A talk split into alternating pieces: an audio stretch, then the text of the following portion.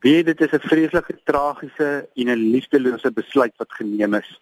'n Harde besluit wat vir ons wat daar op die galery gesit het as gay mense so seer gemaak het. Jy weet ons voel ons harte voel gebroken en ons voel letterlik gekneus want ehm um, weet ons is lidmate van die kerk wat basies vir ons in 'n in die grootste vergadering van die kerk gesê het wie julle is is vir ons net afgryslik. Julle is sonde. Julle sal eers van julle sonde moet kom voordat julle weer kan deel en saam met ons aan 'n tafel kan sit. So dit was 'n baie baie tragiese dag vir die kerk en ook vir baie gay lidmate van die kerk.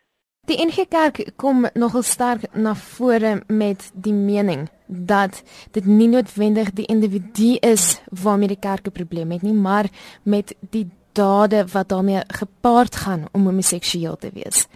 Wat dink jy hiervan? Ons is mense net soos julle met stories, met gevoelens. Daar's nie fout met ons nie. Dis hoe ons is, dis hoe ons gebore is, soos as mense wit vel of 'n bruin vel of 'n swart vel of blou oë of bruin oë gebore is. Dit is hoe 'n mens is. Mens kan niks daaraan doen nie. En baie van ons het vir jare al in ons lewe probeer om dit te probeer verander, omdat die kerk vir ons sê as kindertjies wie ons is is verkeerd.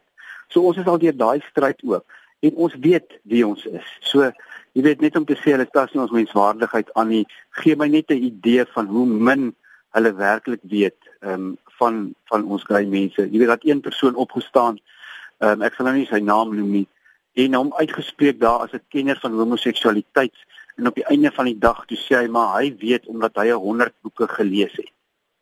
Sulke goed maak seer. Maar hoekom is jy nog steeds in hierdie kerk? Kom verbind jy jouself nog steeds tot hierdie liggaam?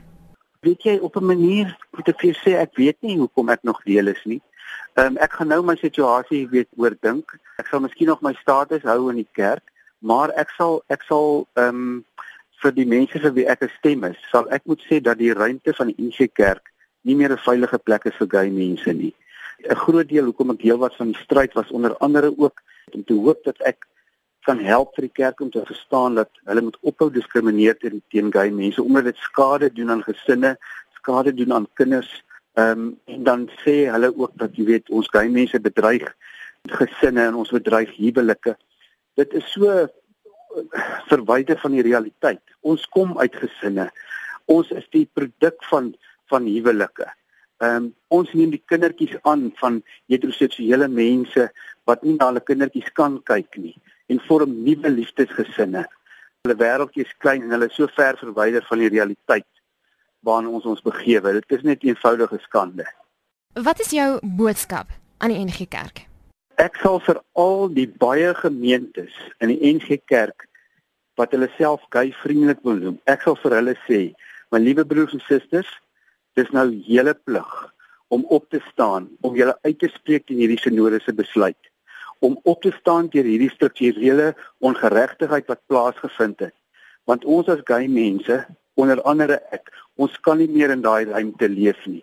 Ons gaan van mense sê om ander ruimtes te soek waarin hulle kan weet wie hulle is om God te verheerlik. So ek sê vir hulle, asseblief, staan op, kom by mekaar, want nie almal in die kerk is so nie, maar doen iets daadwerklik en dan sal ons weer besluit of ons wil teruggaan of nie. Maar die onus is nou by hulle. Hulle moet opstaan, hulle moet konkreet opstaan en teen hierdie strukturele ongeregtigheid hulle uitspreek en hulle moet besluit op hoe 'n manier hulle dit gaan doen. Maar om te sê jy's net vriendelik beteken vir niemand niks nie. Dis nou dat nou hulle besluit geneem.